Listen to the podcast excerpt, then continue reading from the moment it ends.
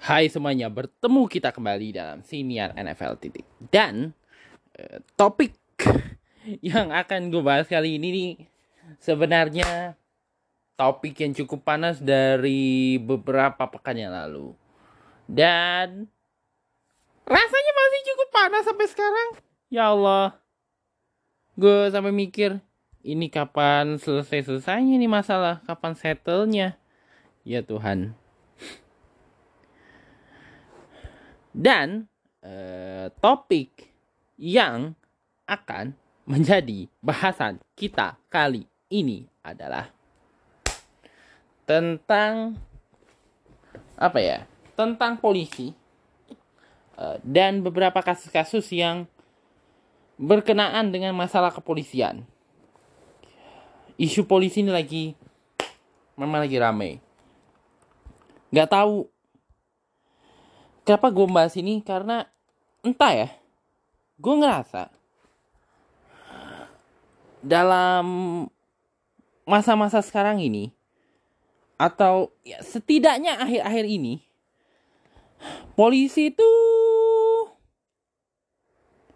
ya polisi itu lu mau bilang dalam hal ini Gak tahu nih.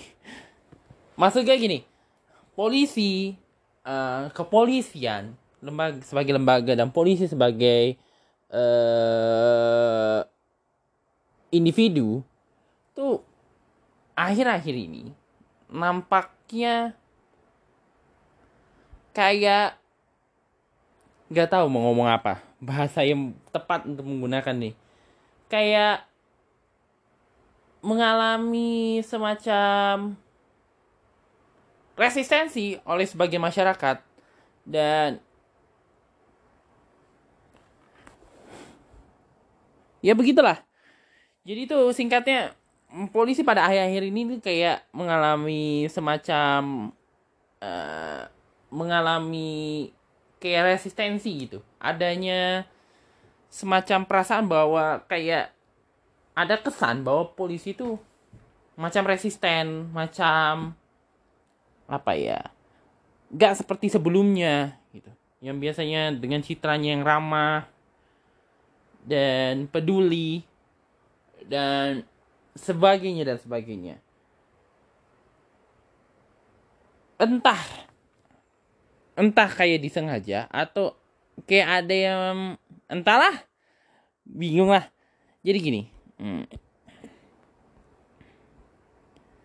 Uh, alasan gue bahas ini gara-gara uh, pernyataan daripada Pak Kapolri, Pak Kapolri ya, Pak Kapolri gue kutip dari, gue baca dari uh, Catch Me Up Indonesia. Uh,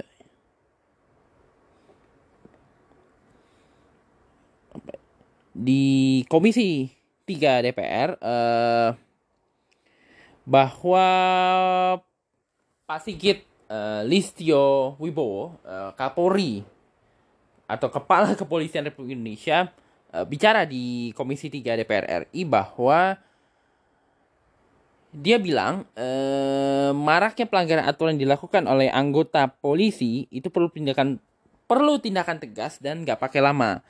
Dan beliau juga menginstruksikan pada jajarannya supaya polisi-polisi yang melanggar ini segera dicopot, diberhentikan secara tidak terhormat atau di proses pidana. Dan beliau meminta supaya Kasatwil kepala satuan wilayah polisi jangan ragu dan mengambil tindakan tegas gitu. Kalau kalau masih ada keraguan, kemungkinan besar pusat akan mengintervensi kasus di daerah. Jadi gini, Kenapa beliau ngomong soal ini? Karena eh, akhir-akhir ini banyak banget kasus-kasus yang melibatkan kepolisian dan apa ya? Kasus ini memicu atau berujung kepada apa ya? perhatian masyarakat yang antara sebagian atau kebanyakan masyarakat anggota masyarakat tuh dan beberapa kalangan tidak terkecuali um, menaruh perhatian yang agak beh ke kepolisian dan pemicunya nah ini pemicunya salah satu pemicunya ini uh, dipicu oleh munculnya satu tagar uh, di Twitter tagar ini uh, tag gue mau ngejelasinnya nih agak agak gimana gitu. Jadi tagar ini di Twitter kayaknya masih populer sampai sekarang. Tagar percuma lapor polisi. Jadi itu kayak semacam uh, ungkapan kekecewaan uh, beberapa kalangan masyarakat di ranah Twitter terhadap kinerja kepolisian. Walaupun walaupun beberapa isinya cu cukup menarik juga dari eh dari banyaknya Twitter yang menggunakan tagar ini. Salah satunya eh, beberapa kalangan masyarakat yang menceritakan pengalamannya berurusan dengan kepolisian. Walaupun ya ending-endingnya ya tetap percuma juga. mungkin, mungkin ya. Ada yang kasusnya sepele atau mungkin kasusnya atau mungkin kasus serius. Ada yang kasusnya serius ya. Tapi mungkin ada juga kasus-kasus yang sepele atau mungkin mengalami kayak pelayanan yang berbelit-belit dari kepolisian. Mungkin, mungkin. Kita nggak tahu. Tapi, uh, pemicu daripada tagar percuma lapor polisi ini adalah sebuah kasus yang berlangsung atau terjadi di salah satu wilayah di Sulawesi. Tepatnya di Kabupaten Luwu. Gue gak tahu persisnya sama ada lu utara atau lu timur. Jadi gini. Dan jadi gini. Semuanya bermula dari sebuah akun akun Instagram. Dan akun-akun media sosialnya uh, sebuah gak tahu deh sama ada media atau lembaga advokasi bernama Project Underscore Multatuli uh, uh, artikel mereka ini memuatkan satu artikel satu ketika kayaknya sama ada di akhir September atau di awal Oktober menurunkan satu artikel yang jadi gini bahasa gue coba ceritain dengan perspektif gue ya. Jadi tuh ada seorang ibu artikelnya tuh berisi ada seorang ibu uh, memiliki seorang suami yang notabene uh, salah satu pejabat di Luwu Timur. Kayaknya Luwu Timur bener deh. Dia punya uh, eh, gue nggak tahu sama ada dia berapa anak. Yang jelas ada tiga anaknya yang perempuan. Gue nggak tahu sebab apa.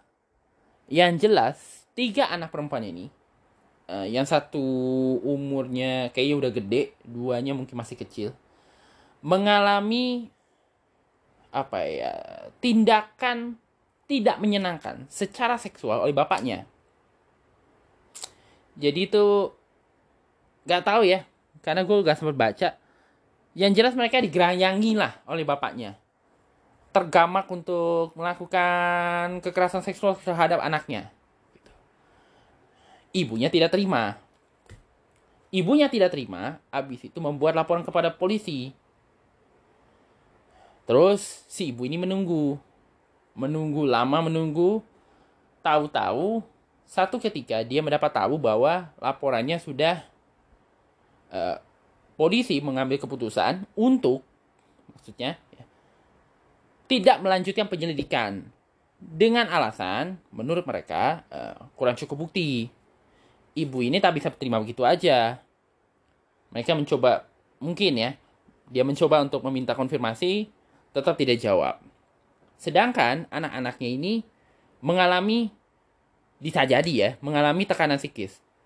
Kayak tapi kan mereka yang mengalami kekerasan seksual pasti ada tekanan dong, mendapatkan tekanan secara psikis.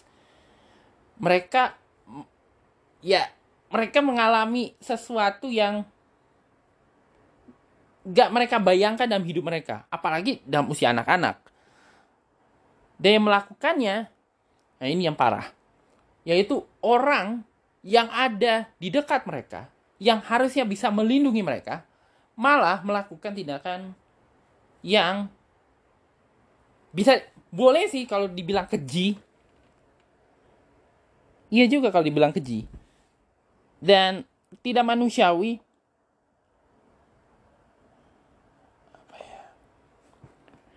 Nah, mungkin sebab itu akhirnya dia memberitahu kepada mungkin kepada lembaga swadaya masyarakat di sekitar itu. Lalu terdengarlah oleh Project Multatuli. Viral viral postingan itu tahu-tahu tahu-tahu eh, postingannya di Instagram terhapus. Karena kononnya ada yang melaporkan.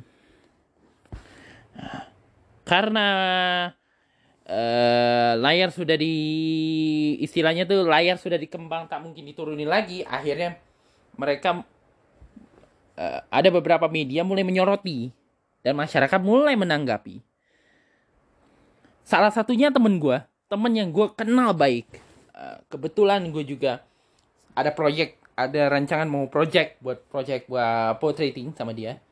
Mau ngehunting habis ya nanti selesai skripsi rencananya ada nanggepin tuh uh, buat tanggapan buat reply. Tahu nggak sih tweet by reply gitu? Nge-reply dengan tweet. Jadi ah retweet dengan dengan ditambahkan tweet tambahan. Yang dia tulisnya kayak gini. Ini polisi kata-katanya ketus banget sih kalau menurut gue ini polisi kerja nggak sih so? Kerja apa sih sebenarnya istilahnya ya singkatnya tuh ini polisi kerja apa sih sebenarnya? Kok yang kayak gini nggak pernah ditanggepin gitu? Kira-kira gitu. Nah setelah diretas uh, ya tadi gue bilang hmm, layar sudah terkembang nggak mungkin diturunin lagi. Akhirnya uh, Project Mutatuli mengizinkan beberapa media, beberapa media massa untuk mengutip tulisan itu dan disebarkan di medianya. Kalau nggak salah Catch Me Up juga memuat, uh, Vice Indonesia memuat dan kayaknya banyak lagi media di Indonesia lainnya. Dan meledak, meledak beritanya. Dan gara-gara kasus ini, uh, perhatian masyarakat terhadap kepolisian menjadi besar sehingga muncullah tagar ini. Uh, abis itu uh, kepolisian dalam hal ini Pol Polres Luwu Timur dibantu oleh kepolisian daerah Sulawesi Selatan kemudian membuat pernyataan bahwa kemungkinan kasus bisa dilanjuti lagi. Tapi kan karena gini ya, kalau dengar cerita cerita yang tadi dan lu memiliki rasa simpati, bisa jadi orang yang punya simpati itu memiliki walaupun mungkin dia nggak ada dengan korban tapi dia dengar ceritanya aja pasti ada rasa yang berkecamuk di dalam itu. Di dalam diri kita. Dan rasa berkecamuk itu kalau nggak dikelola dengan baik boleh menjadi sebuah emosi. Emosi itu emosi yang berkecamuk di dalam diri kita boleh menimbulkan hal yang negatif. Gue tahu ini gue tahu ini gara-gara uh, gue pernah ikut satu diskusi. Ini udah agak keluar konteks sedikit bentar ya. Uh, jadi gue ikut satu diskusi 2018 uh, eh, kebetulan gue emang rencana mau ngunjungin eh, tokonya. Gue ada janji pengen ngunjungin toko fotografi buku foto. Uh, namanya gue Ari Galeri itu di Masa Santa. Sekarang ya orangnya sekarang lagi lebih sibuk ngurus toko yang baru di Bekasi di pasar Alam Vida perumahan Vida Bekasi. Uh, jadi satu ketika gue ikut diskusi. Ada diskusi sebuah buku. Tajuknya Salam Rindu. Jadi Salam Rindu ini uh, sekalian gue cerita ya. Jadi itu sebuah buku yang ditulis oleh seorang anak. Namanya Tasya Selinsky nama anaknya dengan kekasihnya. Jadi itu ceritanya uh, hendak dijadikan sebagai cerita uh, uh, keluarganya Tasya ini uh, ayah ibunya adalah pasangan berbeda keyakinan tetapi bahagia mereka memiliki dua anak yang mengikuti keyakinan ibunya.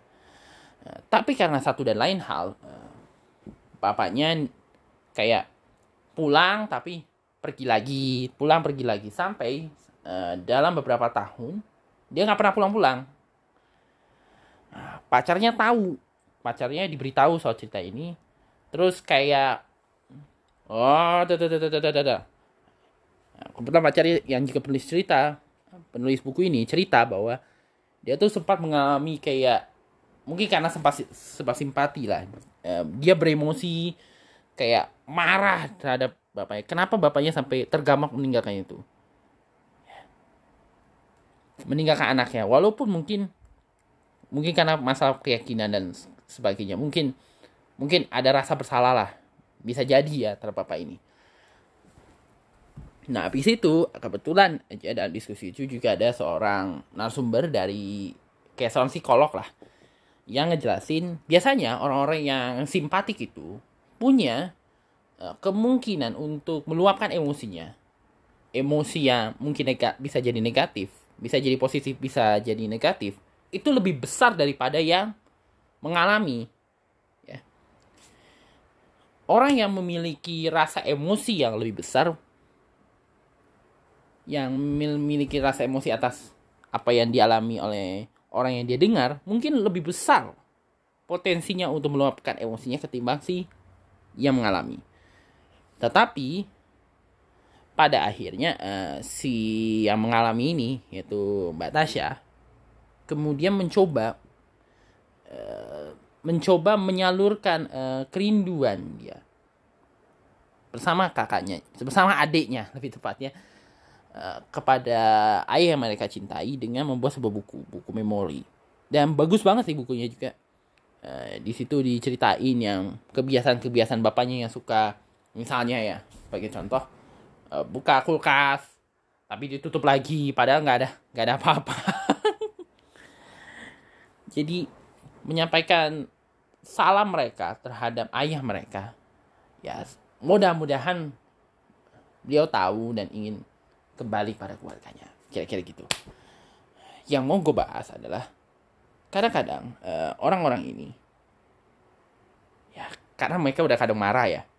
Kalau kita sambung ke cerita ini, orang-orang ini simpati pada korban. Ya, korban yang kejadian Lu Timur ini tadi. Yang membaca bisa jadi uh, mereka memang emosi terutama kepada pihak polisian yang menghentikan kasus ini muncullah uh, semacam antipati yang tadi gue bilang diungkapkan melalui tagar uh, percuma lapor polisi tadi.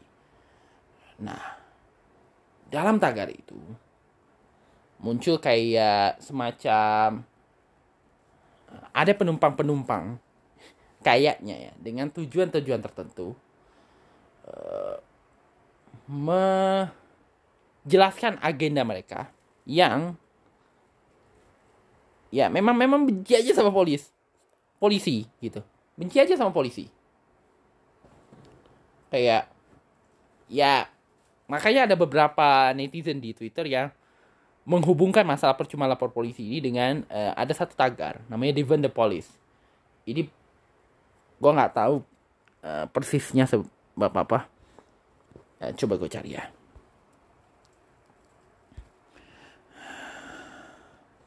sebentar sebentar sebentar tagar defend de pa police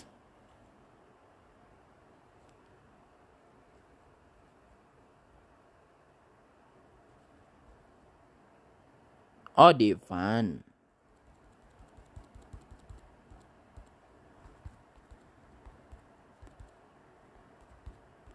Polis. Oh iya, tagar ini uh, kayaknya terinspirasi dari banyak yang mendakwa. Um, tagar ini terinspirasi daripada Devan the Police yang berkembang di Amerika Serikat sebagai uh, ekspresi kemarahan sebagian kalangan di Amerika Serikat terhadap polisian yang dianggap diskriminatif dan bertindak uh, agresif terhadap uh, masyarakat, utamanya dari kalangan kulit hitam. polisi di negara maju aja masih mengalami eh, apa ya namanya semacam resistensi dari sebagian publik kalangan publik. Negara maju padahal.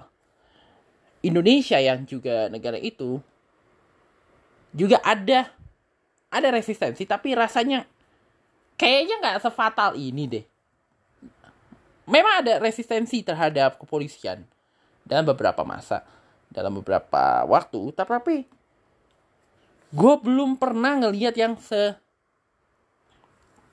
apa ya sefatal ini menurut gue abis itu eh, setelah kejadian itu eh, dan jauh sebelum itu juga muncul beberapa kasus uh, perbenturan antara kepolisian dengan publik. Kayak gini deh. Salah satunya ini yang juga cukup ramai banget di media massa.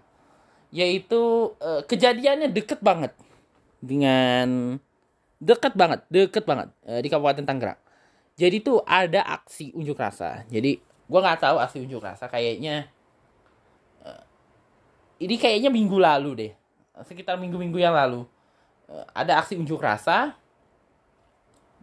di kayak di Pemkap, di Pemkap Tiga Raksa dilakukan oleh mahasiswa.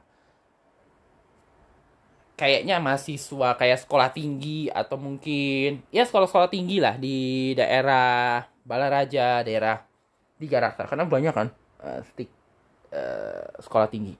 Karena setahu gue yang universitas ya kebanyakan tuh di Kabupaten Tangerang yang udah ke arah timur atau ke yang daerah-daerah yang baru dibuka jadi kota kayak Pradita Indis, Pradita Institute, Universitas Multimedia Nusantara, uh, Atma Jaya Kampus BSD dan lainnya.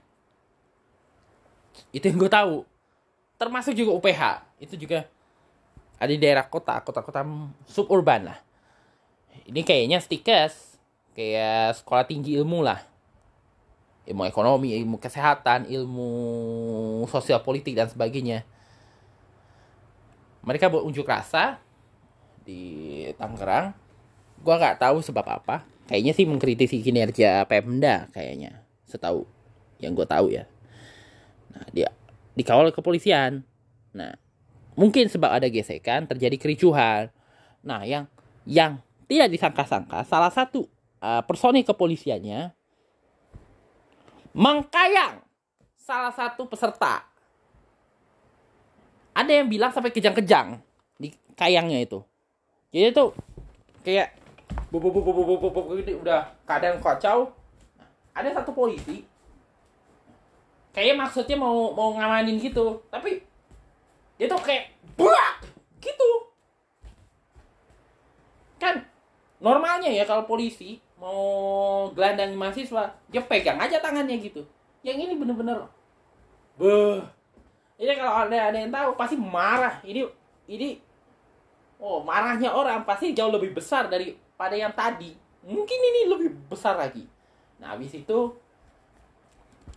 diklarifikasi lah sampai dipeluk mahasiswanya. Entah entah apa yang terjadi. Malamnya eh, esokan harinya anaknya langsung dibawa ke rumah sakit. Gue nggak tahu sekarang uh, terakhirnya kayak gimana anaknya. Yang jelas uh, anaknya mengalami kayak ada masalah saraf lah.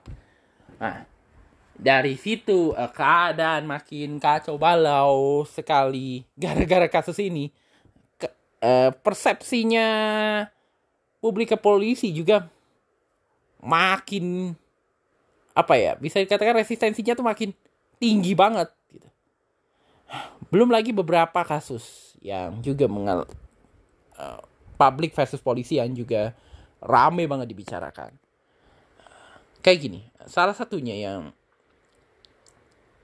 lu inget gak, denger gak? Uh, salah satu kasus uh, seorang jenderal namanya Jenderal Napoleon yang menyerang uh, seorang penceramah yang dituduh melakukan penghinaan agama. Jadi tuh kasusnya gini. Eh, jadi kayak beliau tuh masuk ke penjara gak tahu sebab masalah apa terus dipukulin bekas penganiayaannya ditunjukin ke publik. Banyak yang apa tuh banyak beberapa media yang nunjukin langsung muka si korban dengan jelas dengan visual yang jelas. Juga banyak juga uh, kritik terhadap kasus ini. Kemudian belum lagi soal apa ya kasus gue inget tuh. Oh iya, iya. Eh, petani di daerah Jawa Timur ada petani di Jawa Timur uh, jadi tuh Pak Jokowi, Bapak Presiden kita melakukan kunjungan kerja.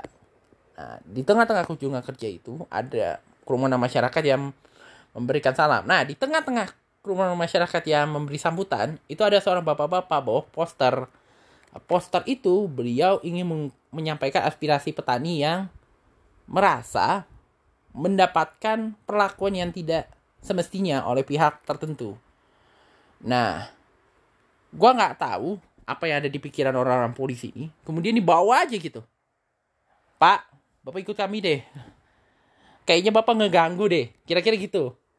Abis itu belakangan beliau dilepaskan tapi beritanya terlanjur terlanjur menyebar dan ramai dibicarakan belakangan eh, bapak-bapak ini akhirnya diundang ke istana oleh bapak presiden untuk menyampaikan aspirasinya dan itu pun setelah Pak Jokowi tahu berita ini ramai dibicarakan. Dan masalah yang eh, dialami si bapak ini akhirnya disetelkan. Kira-kira gitu. Nah, yang terbaru nih, ini yang terbaru. Uh, ada uh, kayak apa ya? Uh, pegawai IT uh, kepolisian di Kalimantan Tengah. Uh, terlibat uh, kayak Eh, semacam tweet war lah dengan pengguna. Gara-gara dia ngomong ngawur. Gue gak tau kayak ngomong ngawur gitu buat tweet yang ngawur. Terus ada yang protes.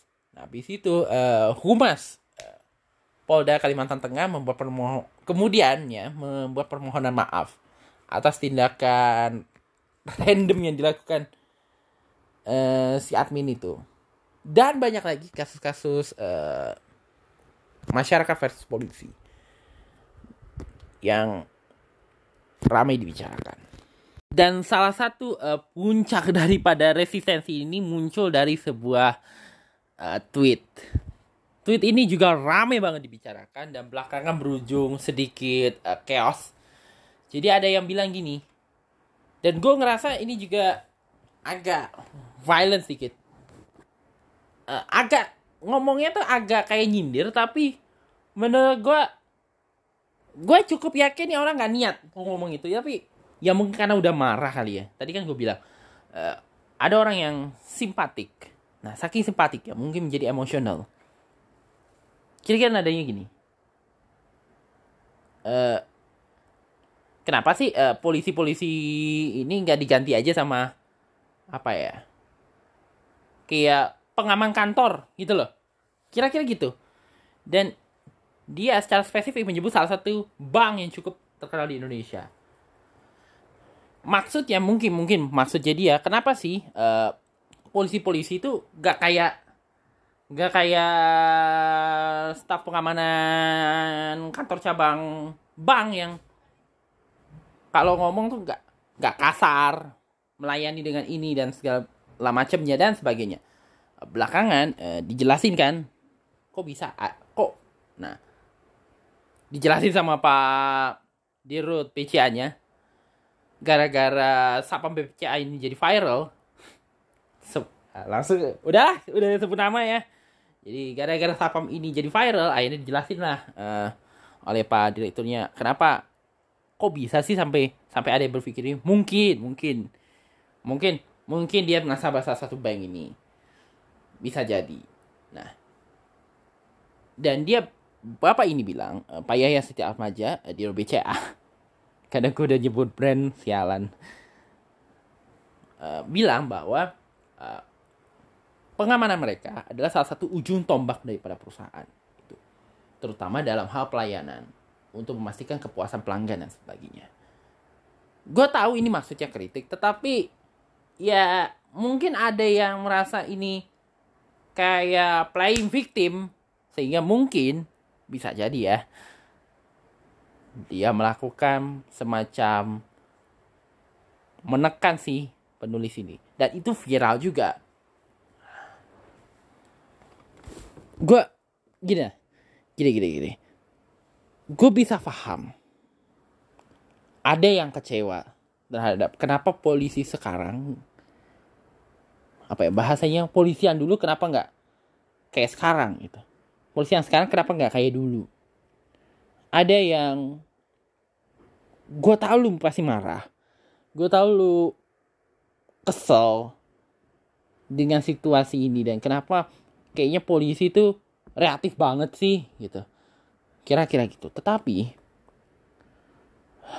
mengungkapkan hal itu dengan bahasa-bahasa yang menunjukkan bahwa seakan-akan kami tidak butuh Anda, itu menurut gue adalah narasi yang boleh dibaca oleh sebagian kalangan, oleh beberapa kalangan, bisa jadi berbahaya.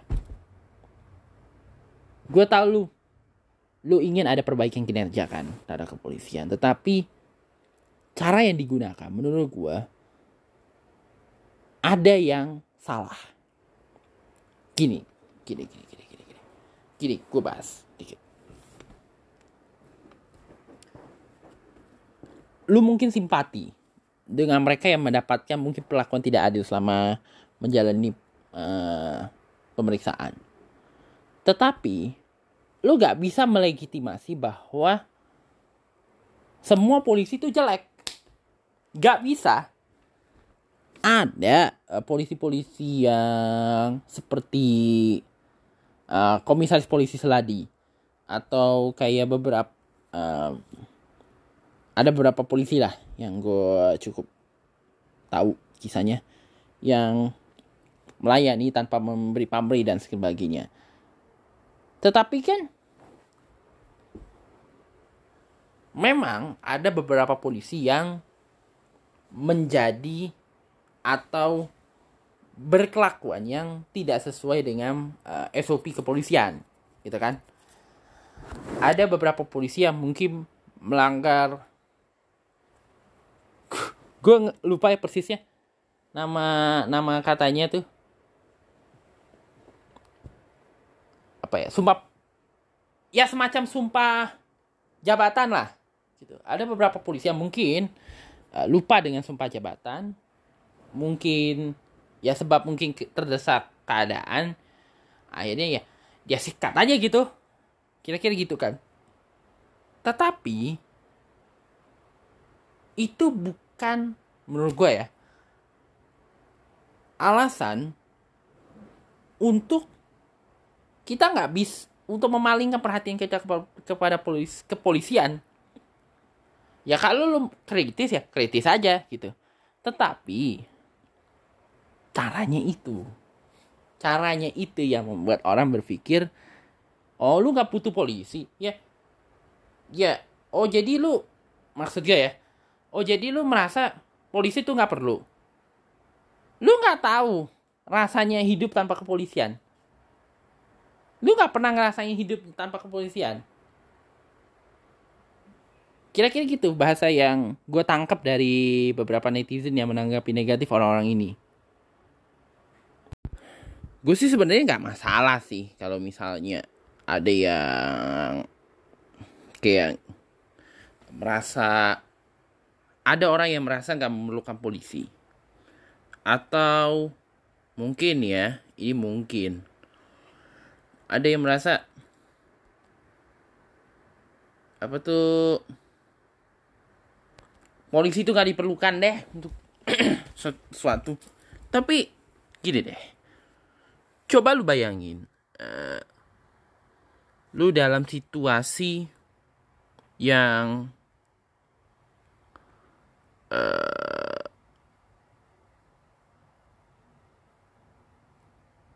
apa ya kacau. Misalnya ya lu dalam situasi keserusuhan gitu. Di kerusuhan lalu apa tuh namanya orang uh, kerusuhannya itu kayak misalnya ya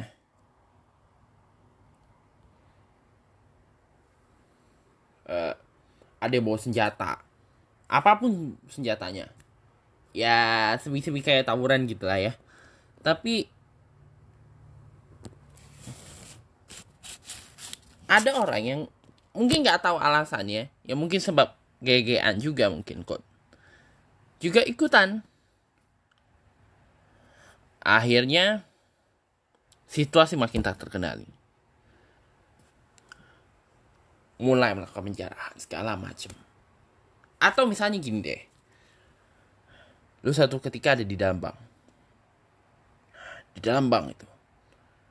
Tiba-tiba masuk beberapa orang. Bawa senjata tajam. Mereka ada yang teriak gini. Semua membungkuk semua membungkuk maksudnya. Semua, semua membungkuk dong termasuk Sapambang itu sendiri. Dan terus si orang ini, si ketua uh, yang bawa kelompok bersenjata ini uh, meminta supaya untuk melakukan apa yang mereka mau gitu loh. Lu tuh dan lu ada dalam situasi sama ada melakukan apa yang mereka inginkan semua orang dalam bank itu juga termasuk kali ya. Atau mati gitu kan. Dari dua contoh tadi. Lu bayangkan kalau gak ada polisi. Terus lu andelin masyarakat warga. Gak kebayang gak kebayang Apalagi untuk mereka yang mengalami langsung kejadian 98 kan. Tuh tahun 98 adalah salah satu uh, momentum yang paling apa ya bahasanya? Gak kebayang deh. Gak kebayang karena sulit dibayangkan pada era itu mungkin mungkin generasi-generasi yang lahir setelah 98 atau pas 98 atau mungkin 97, 96 nggak tahu bahwa era 98 itu adalah polisi betul-betul disampahin tau nggak ya mungkin kan karena kan habis kerusuhan lepas tuh banyak terjadi sesuatu banyak terjadi penjarahan pembakaran bahkan kekerasan seksual yang bahkan tak terungkap sampai sekarang. Dan Polri susah untuk menjalankan tugas karena mereka tidak bisa bekerja di bawah tidak bisa bekerja langsung gitu menangani keadaan mereka masih di bawah ABRI pada masa itu. Dan citra polisi pada ketika itu betul-betul hancur, anjir. Hancur. Dan banyak ngerasa ketidakhadiran polisi pada ketika itu. Nasib baik pada ketika itu uh, program TV pada era 90-an tuh lagi gila-gilanya juga. Ada FTV Ampu, ada spontan lagi naik-naiknya pada ketika itu dan banyak musisi pada ngeluarin album. Kalau enggak, ini yang gue tangkap di media, yang gue tangkap dari pendapat banyak orang ya. Habis dah. Tapi itu tadi bayangan ya. Coba lu abis itu lu bayangin deh. Sesekali ya. Kenapa ya dalam lu coba deh. Keliling keliling. Gua rasa kebanyakan yang pada pada ngomong ini rasanya ya sebagian ini mungkin karena gak pernah piknik gak pernah piknik gak pernah gak pernah keluar ke tempat yang lebih jauh. Lu coba ngerasain apa ya kayak situasi yang di mana walaupun ada orang tapi gak pernah ada yang ngecuri misalnya. Ada lingkungan yang hampir tidak ada kecurian atau apa ya?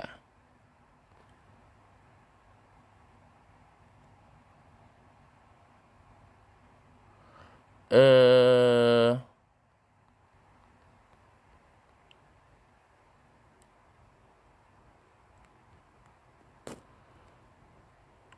kayak pasti bahasanya tuh kehidupan yang hampir tidak ada huru hara gitu ya.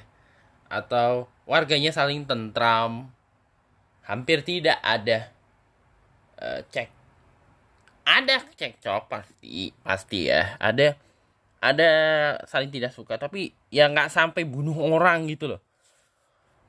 Ya cuma level-levelnya paling marah-marahan main main tangan misalnya.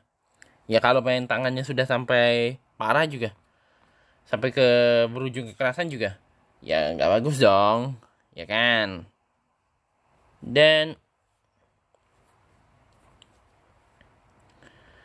apa ya? Coba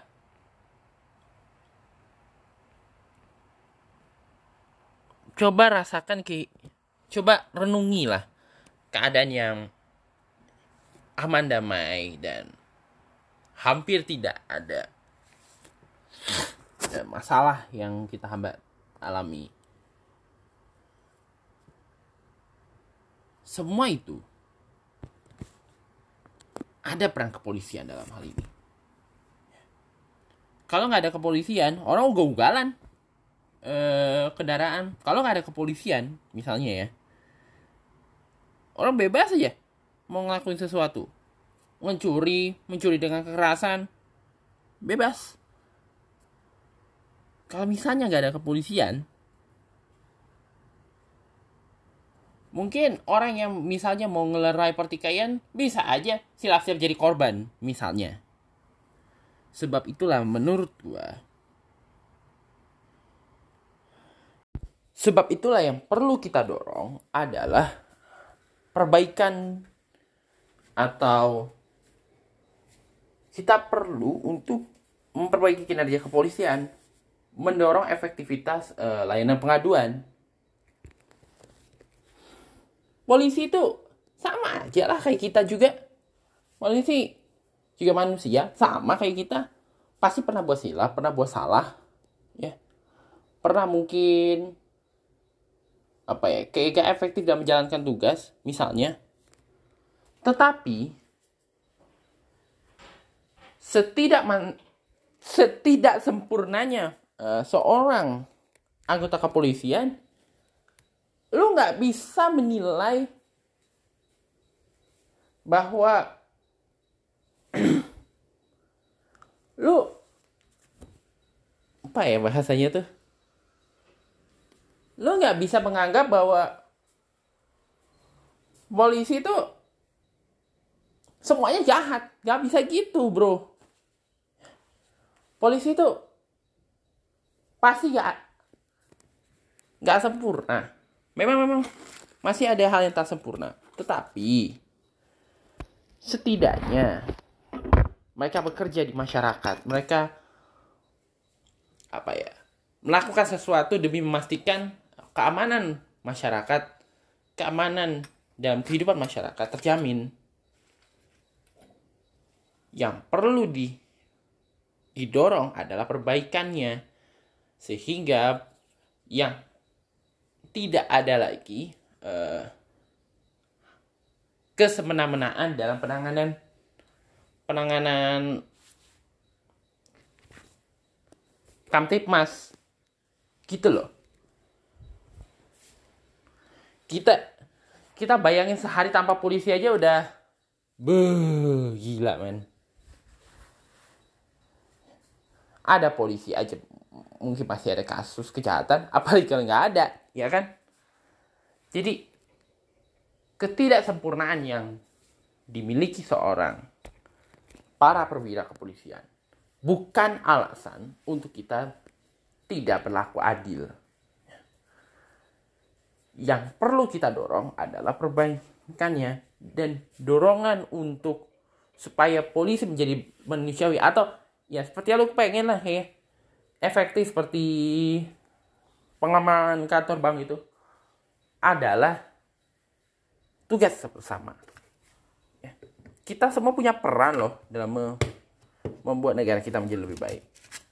Kita perlu mendorong ini ke siapa pun, ke kepolisian, kepada uh, dewan wakil rakyat, wakil-wakil rakyat, ke pemerintah pusat dan siapa pun deh. Termasuk juga kepada komisi kepolisian nasional. Ya. Jadi mendorong perbaikannya itu adalah kunci. Bukannya mendistorsi kira-kira gitulah uh, bahasan kita dalam siniar kali ini itu sementah-mentahnya gue loh membahas hal ini dan sampai berjumpa lagi di edisi siniar NFL titik berikutnya. Boleh di untuk informasi lengkapnya mengenai siniar ini boleh lu ikuti uh, instagramnya at titik sampai berjumpa lagi